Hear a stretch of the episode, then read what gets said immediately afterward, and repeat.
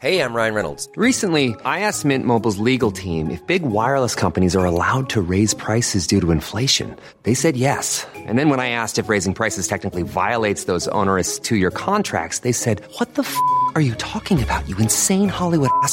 F- So to recap, we're cutting the price of Mint Unlimited from $30 a month to just $15 a month. Give it a try at mintmobile.com slash switch. $45 upfront for three months plus taxes and fees. Promo rate for new customers for limited time. Unlimited more than 40 gigabytes per month. Slows. Full terms at mintmobile.com. Det är väl bra, nu är vi färdiga där va? Mm. Ja. Sen kommer snyggt. Indiepodden.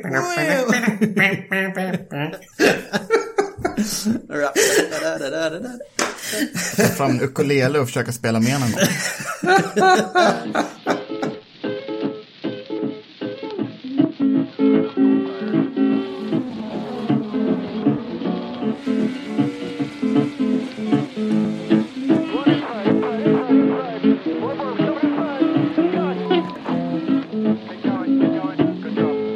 Said I wanna know where my easy rider goes.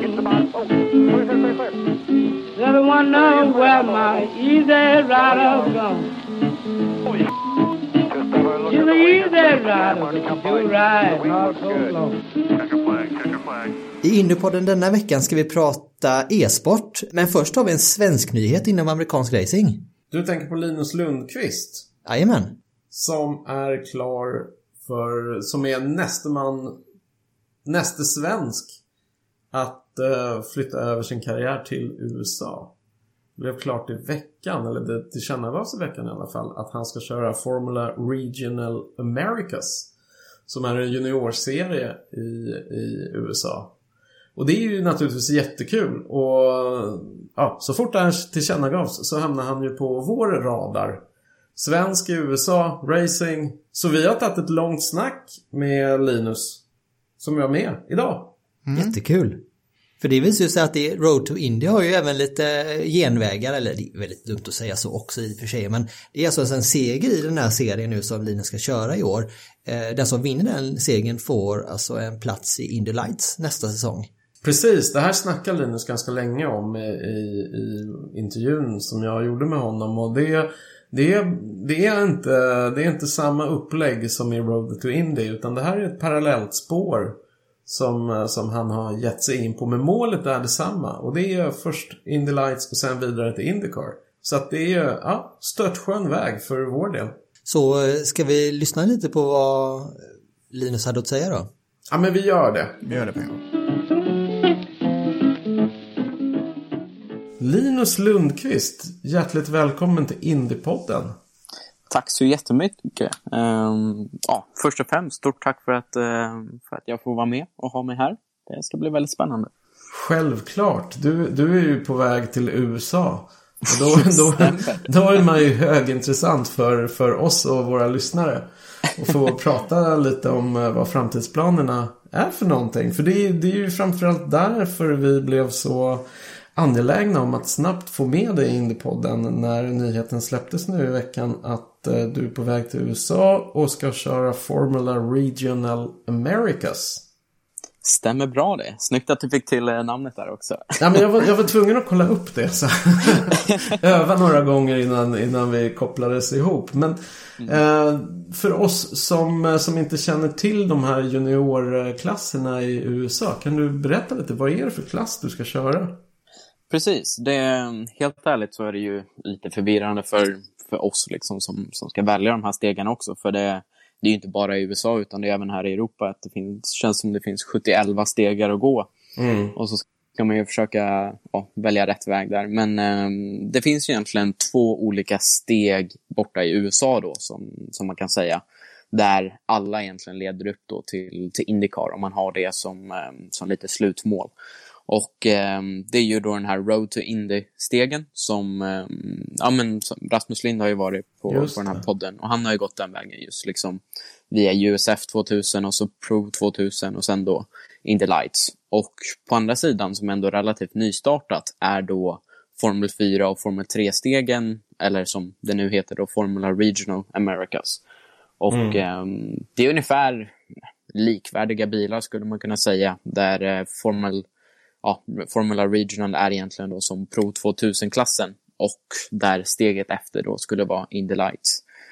Um, men det går egentligen under olika helger där den här Road to Indy med Pro 2000 och USF 2000 och Indy Lights även går ju um, som du mycket väl känner till tillsammans med Indycar medan då den här Regional och Formel 4-serien är, eh, går själva under, under andra helger men fortfarande på samma bana då. Just Så det. um, det är som två lite olika stegar som man kan gå men uh, ja, som leder, leder förhoppningsvis uh, till samma slutmål. Mm. Om, man, om man skulle jämföra med någon eh, europeisk racingklass i termer av prestanda och sådär. Vart någonstans befinner vi oss? Ja, alltså det, är, det finns ju exakt ett mästerskap i Europa som heter eh, Formula Regional eh, också. Och det är ju ungefär likvärdiga bilar. Det är ju som sagt det är andra motortillverkare och andra chassin och så vidare. Men i slutändan så är de ju väldigt lika. Så jag skulle väl säga att det är ju steget under prestandamässigt de här FIA F3-bilarna som går tillsammans med Formel 1. Okay. Um, om man jämför med den bilen som jag körde förra året så är det mer hästkrafter men mer vikt. Så uh, på, på ett varv så skulle jag väl säga att det är nog uh, ja, 3, 4, kanske 5 sekunder långsammare. Um, men som sagt, det blir en ny, ny utmaning eftersom det är, ja, blir en helt ny bil, nya banor och ett helt, ja, en helt ny kontinent för min del. Just det.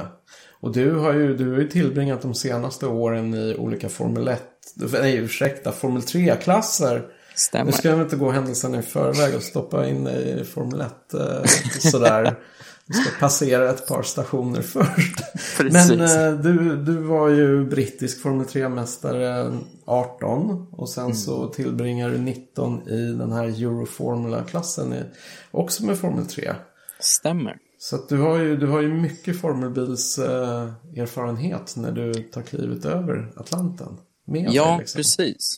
Det, det känns som att nu skulle jag nästan till och med anse mig själv vara en ganska rutinerad Formel 3-förare. Som du säger, 2018 så körde vi det brittiska Formel 3-mästerskapet. Det gick väldigt bra. Jag lyckades vinna det. Och sen då förra året så tog vi steget upp till den stora Formel 3-bilen då. Eh, Den här gamla egentligen Formel 3-bilen som, ja, när Felix Rosenqvist vann mästerskap. EM-mästerskapet där. Så är det ju samma bil och som Joel Eriksson körde då och så vidare.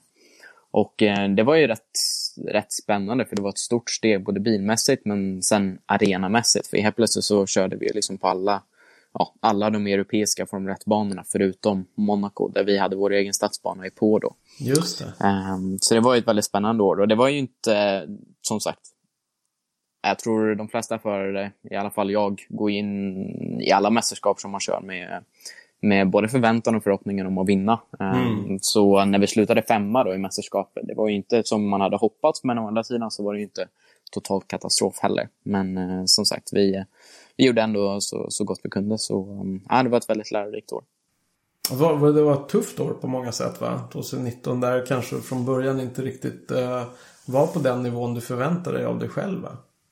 Nej, nej, som jag sa innan, jag menar, jag, jag går in med både förhoppningen och förväntan att kunna vara med och slåss och vinna ett mästerskap liksom varje, varje säsong. Eh, Det är därför, därför jag gör det här, så att säga. För, att, eh, för att man älskar att vinna. Och eh, som du säger, det gick ju inte riktigt som, eh, som förväntan eh, till början där. Och det, det visste vi kanske lite från början också att det skulle bli tufft. Eftersom dels var det ju en ny bil för mig och nya banor, så jag hade väldigt mycket att lära. Samtidigt som för mitt team, då, Double R Racing, de hade inte kört på den europeiska marknaden på ja, nästan 7-8 år. Så det var ju väldigt mycket en lärokurva för dem också. Och i vissa tillfällen så kanske det var lite så att en blind leder en blind. Eh, och eh, de andra teamen kanske hade ja, erfarenheten att köra på banorna och med bilen och så vidare. Så de hade nog ett litet övertag vissa gånger. Men eh, som sagt, jag tycker ändå att vi, vi gjorde det bästa av det vi kunde. Och eh, som sagt, vi tog ett par pallplatser och en pole position där på Monza och så vidare. Så jag ty tycker ändå att vi visade att vi, vi hade farten när hela paketet fanns där. Absolut. Men nu hamnar du i ett helt annat läge. För nu hamnar du hos ett team som verkligen är vana och vana vid att vara väldigt framgångsrika i den här amerikanska klassen, eller hur? Stämmer. Det är ju eh, en av de mest spännande delarna som, som jag tycker. Det är att kunna gå in liksom med ett mästerskapsvinnande team ja, som vann. Ja, blev etta, tvåa i mästerskapet förra året. Så, som du säger, de, är- de är ju vana vid, eh, vid framgång och de, de vet ju definitivt vad de gör när det gäller den här klassen. Så det ser jag fram emot att kunna få jobba med dem och som sagt lära mig mycket nu i början med, med bil och däck och allt det där. Så man börjar alltid om lite från ruta noll när det är ny klass och så vidare. Men eh, som du säger, jag har ju ändå lite erfarenhet från olika Formel 3-bilar. Så jag hoppas kunna bidra lite där också. Just det. Global Racing Group heter teamet va? Stämmer bra. Stämmer Va, bra. va, vad kan du berätta om det här teamet för oss som inte känner till det sedan tidigare? Precis, så det är ju ett team då som kör i det här eh, ja, F3 Americas som det hette tidigare, som nu då bytte namn till Formula Regional Americas. Och eh, de har varit med egentligen sedan, första året då, 2018. Eh, och eh, körde även det då förra året tillsammans eh, med, med ett par stycken förare. De hade ju totalt fem förare där, så det var ju rätt mycket. Eh, men det drivs egentligen av, eh, av ja, en som heter eh, Christian, eh, eller Christian Pedersen, en dansk faktiskt. Okej. Ehm, så spännande. Ehm, som även har en son som kör det brittiska Formel 3-mästerskapet tillsammans med mitt gamla team, eh. Double R. Så uh, sonen heter Benjamin Pedersen som körde även brittiska efter förra året. Som Just stannar kvar nu ett år.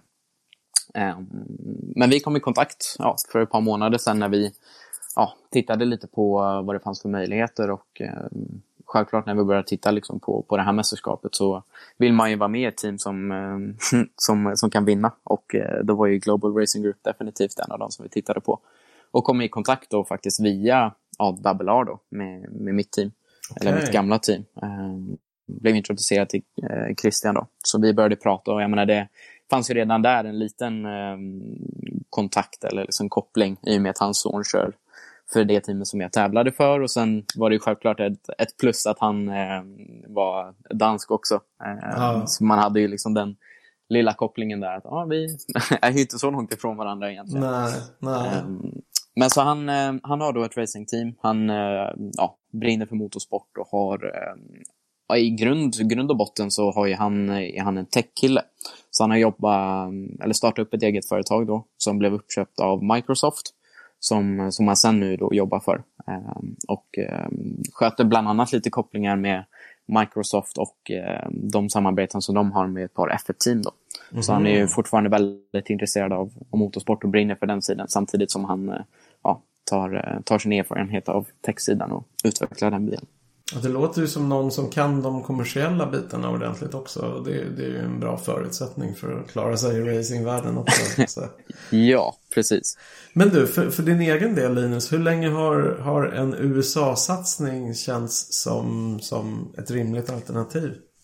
Um, om vi säger så här, jag tror att alltså, det är ju någonting som man har eh, haft ett öga på liksom sen go-kart-tider tänkte jag säga. Ehm, och jag menar, Indycar är ju ett av de ja, största mästerskapen och jag menar speciellt Speciellt när vi liksom haft lite, lite svenska framgångar där också. Ehm, så har det självklart liksom lyft intresset. Och, jag menar, speciellt nu ja, det senaste året med, med Marcus och Felix då, så har det ju blivit eh, ännu mer attraktivt för vår del. Men eh, jag tror vi, eh, vi såg ju som sagt, målet var ju kanske att försöka stanna i Europa och det är ju den stegen som vi har gått så att säga fram tills nu.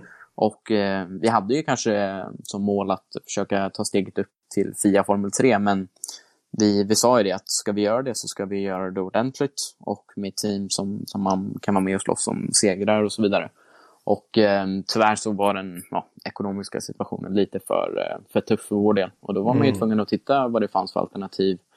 För vi sa det att i den här satsningen som vi, vi är liksom en liten en, en grupp bakom mig som sitter och tar beslut och försöker titta på vad, vad som kan bli bäst. Eh, där, det är ju ingen hemlighet, där bland annat Felix eh, Rosenqvist är med och hjälper mig lite.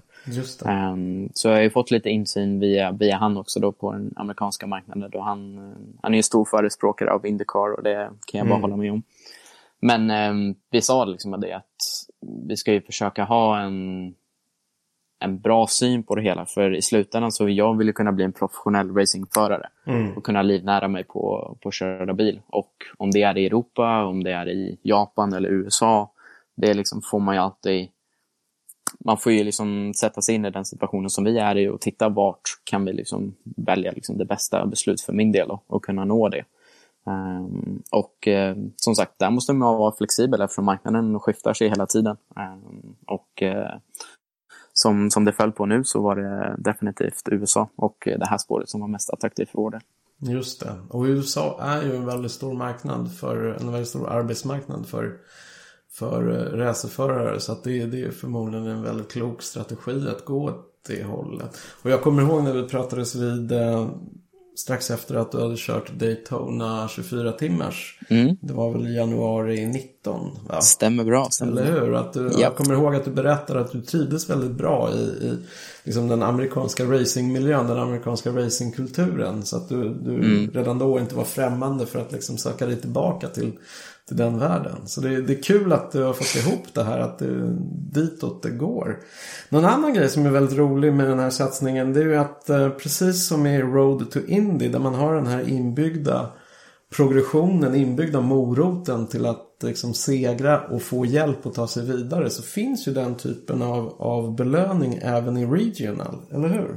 Stämmer bra. Och det ska jag inte göra en hemlighet av på några sätt alls. Jag menar, en av de största anledningarna till att vi valde det här mästerskapet och valde att titta på det, det var ju att Honda, som är eh, motortillverkarna och motorleverantörerna i mästerskapet, eh, gjorde officiellt eh, för ja, ett par månader sedan är det nu, att de eh, kommer göra som ett scholarship, precis som med den här Road to Indy-serien. Där vinner du mästerskapet så får du alltså en fullt finansierad sits i Indy Lights året därpå. Och eh, som sagt, det tror jag för alla förare låter som eh, lite av en dröm faktiskt. För det är ett av de största prisen liksom, som, som finns i, i eh, junior-racingen idag. Så eh, det är någonting som, som vi har liksom som mål, som jag har som mål, att eh, försöka vinna mästerskapet och sen då hitta en styrning in the lights eh, året därpå. Men eh, som sagt, ja, man stänger ju inga dörrar Nej. vad som. Liksom. Det har man ju inte råd med liksom, i, den här, i den här situationen. Men eh, det är ju definitivt någonting som är jätteintressant för min del och eh, en, en stor eh, grund till det beslutet vi la. Mm. Ja men det låter ju jättehäftigt att ha, liksom, ha det där konkreta målet och, och belöningen framför sig. Ju- Ja, precis. Och liksom någonting man kan ta på så att säga. För jag Just menar, om man tittar på liksom, ja, egentligen även liksom när vi vann det brittiska Formel 3-mästerskapet. Nu, egentligen det enda du får det är ju liksom äran och liksom, Mm. ja, kunna säga att du, du liksom har vunnit det, men du får ju ingenting annat rent fysiskt så att säga. Medan här har du ju någonting svart på vitt att är du mästare så ja, i Road to Indy så har du ju prispengar och i det här så är det ju, ja, som sagt, en finansierad sits i Indy Lights. Så det är ju någonting som också är jäkligt kul tycker jag med, med den amerikanska racingscenen. Att de, de verkligen, eh, ja men vinner du mästerskapet då förtjänar du liksom att kunna ta nästa steg. Oavsett liksom vad du själv kanske har för förutsättningar så gör de det möjligt. Ja men det är ju en väldigt fin tanke. Alltså en väldigt fin. Det är ju Europ- europeisk racing är ju så full av de här historierna och väldigt duktiga, begåvade unga förare som till och med vinner mästerskap men sen inte riktigt kommer vidare av, av ekonomiska eller politiska skäl. Um, Precis. Det finns ju både svenskar och andra som har hamnat i den sitsen där det finns absolut ingen som helst tvekan om att ni är begåvade och duktiga men, men vägen fram är så oerhört svår. Så det, det är ju väldigt kul att USA har den här den här attityden som skiljer sig så, så starkt. Men alltså rent konkret, hur ser, hur ser din eh, närmaste framtid ut? Nu du antar att du sitter hemma och ägnar dig åt social isolering som alla andra nu för tiden. Men, men hur, hur, hur ser planen ut? När drar säsongen igång? Och när, var, hur liksom? Ja, precis. Jättebra fråga. Ehm, som sagt, vi, eh, ja, ja, hela världen har ju liksom satts på paus. Ehm, inklusive alla, ja, inklusive vårt mästerskap såklart. Men preliminärt, så för de ställde in första racet som skulle gått eh, i Atlanta faktiskt nu den här helgen. Okej. Ehm, skulle första racet ha gått, men som sagt, de ställde in det. Ehm, faktiskt en liten rolig story kring det, för eh, i, ska vi se, i mitten, ungefär i mitten av mars så hade vi preliminärt då eh, tänkt att göra lite försäsongstester.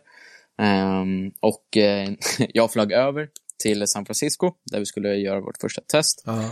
Och sen då 12 timmar ungefär efter jag hade landat så ringer teamchefen mig och så säger han att hej, alla tester och alla liksom, första racet det blev inställt. du kan åka hem igen. Spenderade två dagar i San Francisco och sen så ja, flög jag hem igen på, på måndagen tillbaka till Sverige. Ja, vad trist. Och- vad snopet. Nej, det var ju liksom så här, ja. Hade jag väntat liksom med att åka till USA en dag så hade det liksom varit lugnt. Eh, men, uh, ja, ja. Men så uh, sen dess liksom så sa de att första racet är inställt. Preliminärt så säger de att andra racet kommer gå. Den går på Circuit the Americas den 5 juni, den helgen.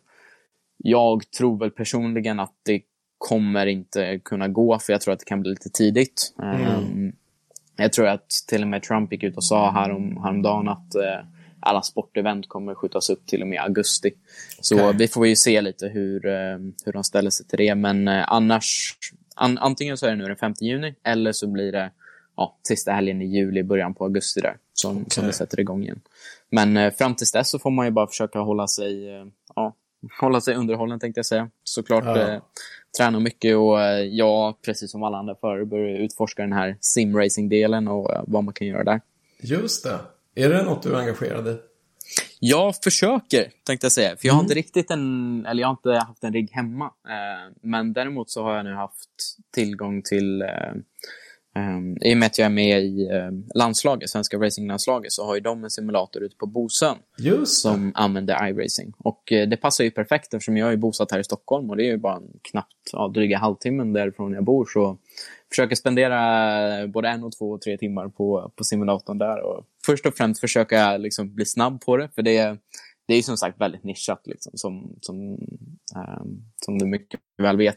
Så först försöker man ta sig upp dit och sen så eh, ska man försöka kanske börja tävla lite. Och eh, jag ska faktiskt tävla redan imorgon i Formula Regional Americas. De har ju som ett eh, e-race då. Ehm, som går då på varje bana. Så eh, de kommer köra nu, ja, tisdag natt blir det för min del då. Så ska jag försöka se lite vad jag kan göra där. Men det blir min eh, debut på, på e-racing-sidan. Så det ska bli spännande. Nej men vad roligt. Det hade, Ja. jag, det hade jag helt missat. Det får vi passa på att tipsa våra lyssnare om och slänga ut lite länkar och sådär. Ja, Ja men vad, vad kul. Och den Ja. simulatorn som Svenska Bilsportförbundet har, det är ju en sån här riktig en har jag sett. Det är en sån här som rör dig i där du sitter va? Ja, precis. Du rör dig i ett antal dimensioner. Ja, det, alltså handen på hjärtat så är det nog en av de coolaste simulatorerna som, som jag har sett. Så det Ja. är jättekul och jättetacksam att vi liksom får möjligheten att använda den. Och som sagt, öva upp lite. Och speciellt, jag menar, i och med att jag har inte kört på någon av de här banorna som jag kommer tävla förhoppningsvis på senare i år. Ehm, och det är ju, som sagt, det anser jag vara en av de bästa sätten med en, eller verktygen till simulatorn. Just att lära sig nya banor och hitta rytmen och så vidare. Så det är ju kanon liksom. Verkligen, då har du verkligen alla förutsättningar att lära dig innan det är dags för skarpt läge liksom. Ja, precis. Ja. I alla fall göra det, det bästa av situationen, så att säga. Eh, Ja. Eftersom det inte är så mycket annan körning som pågår. Linus Lundqvist, tack så jättemycket för att eh, du var med och lycka till framöver. Jag tror definitivt att vi kommer ha många anledningar att återkomma till dig under när väl säsongen faktiskt kickar igång. Det hoppas jag verkligen och det, det tror jag med. All right. Ehm, ja, det som gör Formula Regional Americas ganska relevanta på andra sätt inför Indycar, det är ju att Honda gör motorerna. Så då betyder det att Hondas motorsportsdivision har koll på talangerna som finns där i, oavsett om det slutar i en mästerskapstitel eller inte. Men så, så kommer ju Linus också lära sig banorna som man kör på. Det är Eh, två banor som Indycar tävlar på, Barber också, förutom Kota. Men sen så tävlar de också på Virginia International, är tänkt 17-19 juli. Och sen eh, i Trois-Rivières i Kanada, det är en klassisk eh, stadsbana som dock aldrig ingått i Indycar, men det är eh, en eh, ganska viktig tävling det med. Och sen så ska de också i september köra på Sebring, där Indycar-stallen alltid brukar testa eh, i eh, Eh, under vintern. Och sen eh, Road Atlanta som skulle gå nu i helgen i april eh, blir inställd som to be announced ifall de eh, planerar om den tävlingen. Så det är häftiga banor och även om det även om det bara är två banor som Indycar tävlar på eh, så tror jag det är viktiga banor att lära sig ifall man vill göra längre karriär i USA. För Virginia och Sebring det är också klassiska sportvagnsbanor. Så det här är en, det här är en väldigt intressant, väldigt intressant sätt att eh, starta sin USA-karriär på tycker jag. Verkligen, och som han också sa, det är, ju fantastiskt att han har den här möjligheten att sitta hemma i, i Stockholm nu och utnyttja tiden innan säsongen kickar igång och faktiskt lära sig de här banorna i en sån grym simulator som Svenska Bilsportförbundet eh, har stående på Bosön.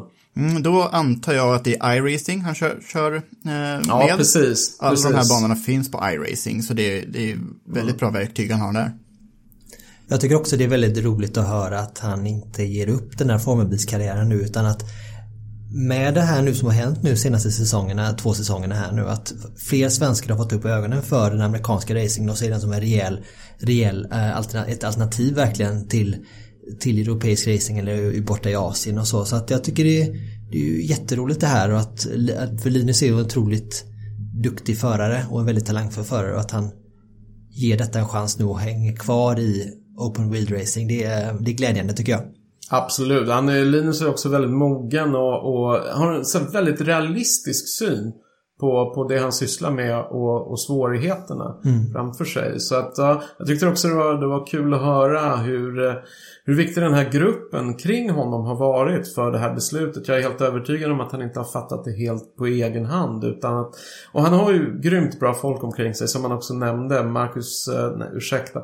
Eh, Felix Rosenqvist är ju bara en av dem som, som ingår i den här gruppen som, eh, som stöttar Linus och, och ger honom råd och stöd. Och, och ja, så jag, jag tror som sagt Felix har ju varit en av dem som, som eh, jag tror lobbat hårt för det här USA-spåret. Så att jag, jag tror det kan bli hur bra som helst. Nu hänger det liksom på, på resultaten. Och, ja, ja, det är fasiken ytterligare en säsongstart och verkligen längta efter. Det känns som det här 2020 är de uppdämda förväntningarnas säsong. Minsann. Och vi kommer bara, det kommer bara bli en förlösning här i sommar tror jag, eller till hösten så. Och vi bara Åh! Det är så här, ja, racing dygnet runt. Ja. Hemskt gärna. Vi ska snacka racing också.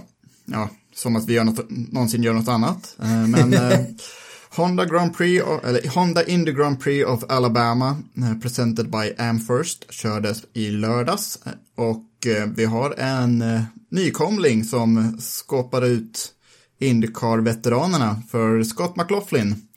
Vann det här e-sportloppet som kördes på iRacing.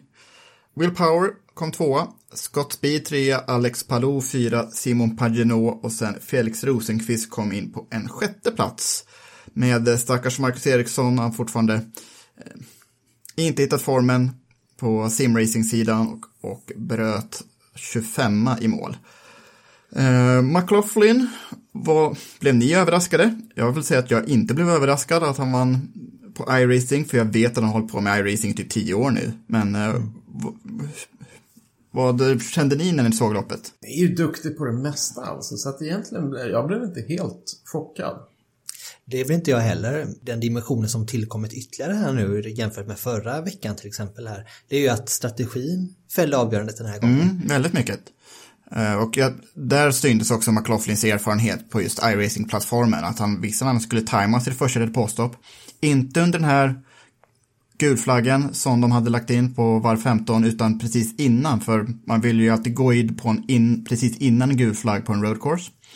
Och sen när eh, Karam och Rosenqvist körde ihop, eh, när de fightades om ledningen strax ef- efteråt, eh, då insåg ju McLaughlin att nu ska man inte försöka spara på bränsle utan kör flat out, gör till korta påstopp och sen kör flat out resten av loppet. Och det var, det var så han också lyckades hålla sig före Will Power. Det var så de bägge slog Scott Speed som valde att eh, snålköra och försöka bara göra ett enda påstopp. Så det var väldigt erfaret kört av McLaughlin. Eh, oavsett hur man vrider och vänder på det. Och nu har de väl börjat med race-strateger också i racing. Jag tror att fler och fler kommer anamma det framöver här. Ja, det, nivån höjs hela tiden, nästan dag för dag när man ser på hur förarna eh, adapterar sig till den här eh, situationen eh, vi alla är i. Så Undrar hur det blir med spotters? det tror jag att de har redan. Tror du det? Ja, nästa gång ska han på oval, så då tror jag nästan det är ett måste. Det finns ett inbyggt spotterverktyg i iRacing, men att ha ett riktigt proffs där tror jag kan, kommer vara ett måste för att eh, överleva en, eh, ett ovallopp. Ja, men det var precis det jag tänkte på. Nu när, de, när det blir eh, oval, då blir det liksom allvar på sätt och vis. Ja. Och där, där har ju spotters en sån himla viktig roll. För, för min egen del så börjar jag tröttna lite på de förarna som klagar på att det här inte är riktig racing och så.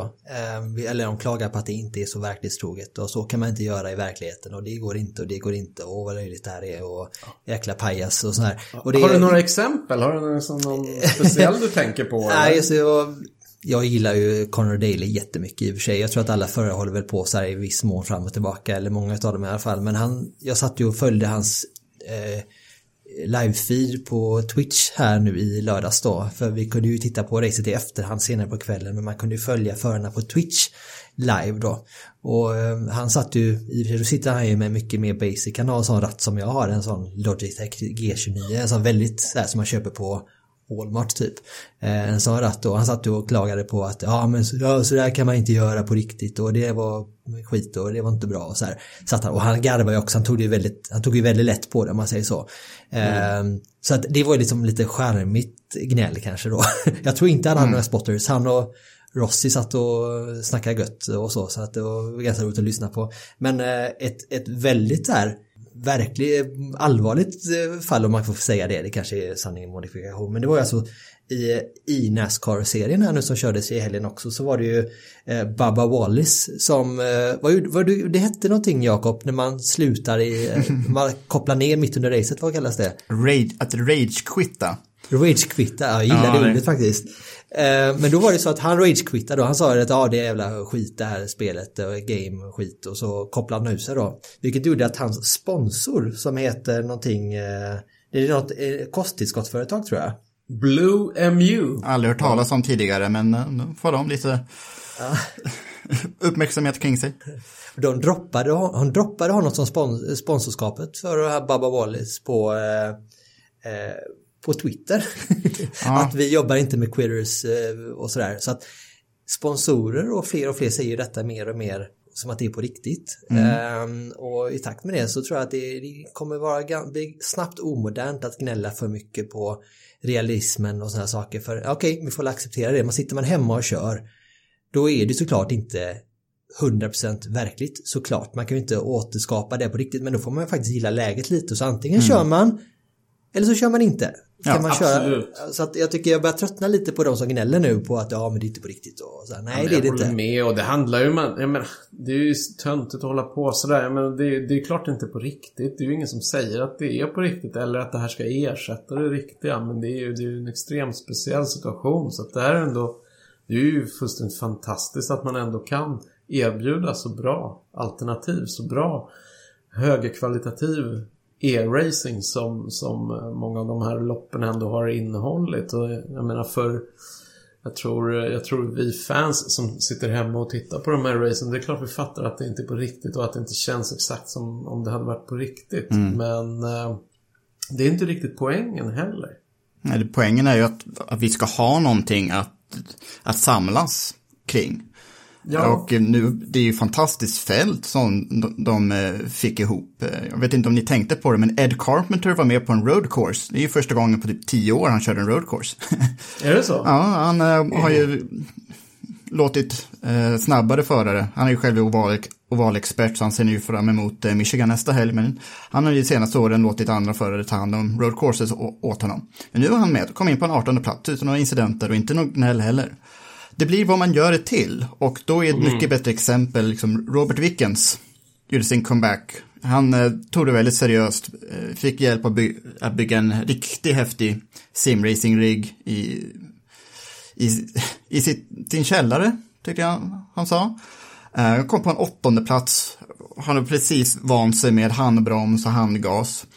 Eh, och det är ju jättekul att eh, han engagerar sig så här och ser det som en, som en riktig upptrappning inf- inför en eventuell framtida riktig comeback när vi alla kan, eller ja, när alla kan göra riktiga comebacker också.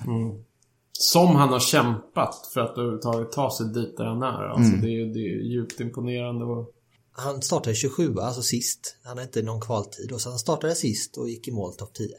Ja, Mm. han var väl uppe i topp tre ett tag under depåstoppen och så. Så, så eh, mycket bra exempel på, det, det blir vad man gör det till. Eh, vi ska väl inte avhandla hur förare gnäller något mer, nu, nu är det gjort. Men eh, det här kommer bli eh, skitbra de närmsta fyra loppen som vi har kvar på det här inledande schemat. Jag är också otroligt imponerad av Will Power. Eh, för han har ju tagit till sig det här jättesnabbt och han var ju med i toppen nu och körde eh, i lördags. Sen så var det ju också att de var ju i farten redan på fredagen på Indianapolis Motor Speedway, körde en halv racedistans där. Mm, ett antal förare. Det var, inte, Ja, det var ganska många eh, riktiga Indy, Indyförare som eh, var med på det. Men eh, det var inte officiellt från Indycar. Men det var inte desto mindre underhållande för när alla kör med fixed setup, alltså om alla kör med exakt samma eh, inställningar på bilarna och sen så blir det ju på en sån här superspeedway så blir det otroligt jämnt. Och det var alltså det var många gulflaggor på slutet, det var det, många som kraschade och så men den tajta racingen som var från så här halv efter 50 varv och framåt ända till målflaggen var ju grymt underhållande och där hade vi, jag ska inte spoila nu för kan om ni går in på speed51.com så kan man titta på racet där i efterhand men där var ju Felix med och fightades och Will Power. Eh, och så jag rekommenderar det om ni inte har tittat på det redan att eh, bänka er och kolla på det. Det var ju minst lika underhållande som att titta på det på riktigt näst, faktiskt för det de kan ju placera kamerorna på så fräcka sätt. Eh, liksom, det är ju obegränsat eh, med möjligheter där så att fartupplevelsen är ju helt sjuk.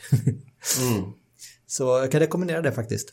Vad har vi nästa race nu? Nu är det ju nästa vecka. Då går vi ju apropå ovaler då. Det blir ju ovalrace nästa vecka. Man ska köra på Eller Mich- nästa vecka, den här veckan säger Ja, det blir på lördag igen, eh, antar jag, som har kört lördagar hittills. Eh, jag ska köra på Michigan International Speedway, som eh, före tiden var en, ett självklart stopp på Indycar-kalendern, men nu har man inte kört där på riktigt sedan 2007. Eh, men det är en stor superspeedway, två mile lång, eh, fram till, ja, fram till 90-talet så var det ju den snabbaste banan på Indycar-kalendern. Jag tror hastighetsrekordet ligger på 235 miles i snitt eller någonting från sent 90-tal.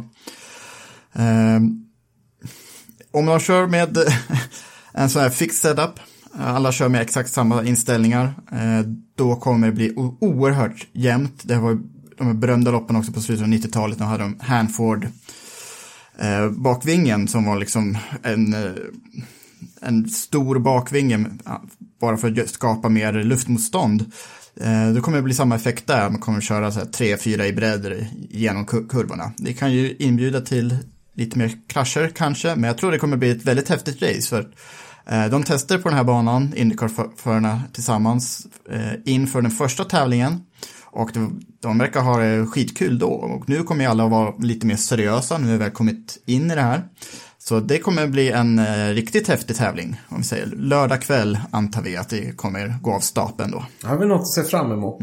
Verkligen. Och det kommer nog bli bara mer, nu är du på en val, då blir det ännu mer jämnt kan jag tänka mig. Men det var ju faktiskt så att första racet som gick nu för eh, två helger sedan så var det väl, det var väl sex stycken som gick i mål på, tog målflagg på ledarvarvet tror jag. Nu var det dubbelt så många den här gången, det var över, över tio stycken. Så att klart alla flyttar fram positionerna, blir mer, mer stabila, lär sig detta mer och mer. Så jag tror att för varje vecka som går nu kommer det bara bli bättre och bättre racing även virtuellt. Ja, eh, Indycar verkar inte föra någon poängställning, men jag har räknat lite. Eh, Scott McLaughlin leder, om vi säger efter två tävlingar, eh, en seger och en fjärde plats. Han har 83 poäng. Will Power, en tredje plats och en andra plats, 76 poäng. Tre, trea i den här inofficiella poäng, poängställningen då har vi Felix Eh, med 69 poäng och sen Sage Karam 4 på 63 poäng. Ifall jag har räknat fel någonstans så får ni skriva till oss på Twitter, Instagram, Facebook, wherever. Eh, men inofficiellt så har vi i topp 4 då McLaughlin, Power, Felix och Sage Karam. Nu är det så att det här är inte den enda Indiepodden avsnittet som vi släpper den här veckan för redan eh, i, mor- i övermorgon på onsdag så släpper vi ett extra avsnitt. Yes. Då ska vi titta på hur Indycar-förare tränar med vår gästpoddare Alex Elg. Mm, det var ett eh, riktigt trevligt sa eh, samtal vi hade med eh, Alex. Fokuserar mycket på hur Marcus Eriksson fokuserar, tränar inför varje lopp. Deras rutiner, hur de är, men också om Alex Elgs egna historia. Eh, väldigt trevlig att snacka, snacka med och eh, vi kanske får höra mer om honom eh, under säsongen. Absolut, det, det är ju få andra som har sån inblick i, i hur man på den här nivån tränar och sköter sig och äter och dricker och sover och reser och ja, i princip allting man behöver ha koll på som har med de fysiska förutsättningarna för att, för att prestera på den nivån som, som racerförare i Formel 1 och Indycar presterar. Så att, det var otroligt kul, givande samtal med, med Alex. Mm. Så eh, på onsdag så är ni välkomna tillbaka till eh, Indypodden för då släpper vi det avsnittet. Eh, men tills dess på återseende Japp. och tack för den här dagen. Tack. Tack så mycket, hej då! Hej då! Hej! Said I wanna know where my easy rider gone.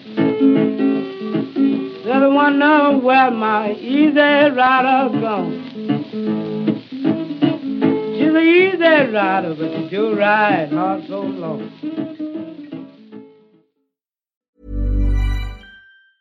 Hey, it's Danny Pellegrino from Everything Iconic. Ready to upgrade your style game without blowing your budget? Check out Quince. They've got all the good stuff shirts and polos, activewear, and fine leather goods, all at 50 to 80% less than other high end brands. And the best part? They're all about safe, ethical, and responsible manufacturing. Get that luxury vibe without the luxury price tag. Hit up quince.com slash upgrade for free shipping and 365 day returns on your next order. That's quince.com slash upgrade.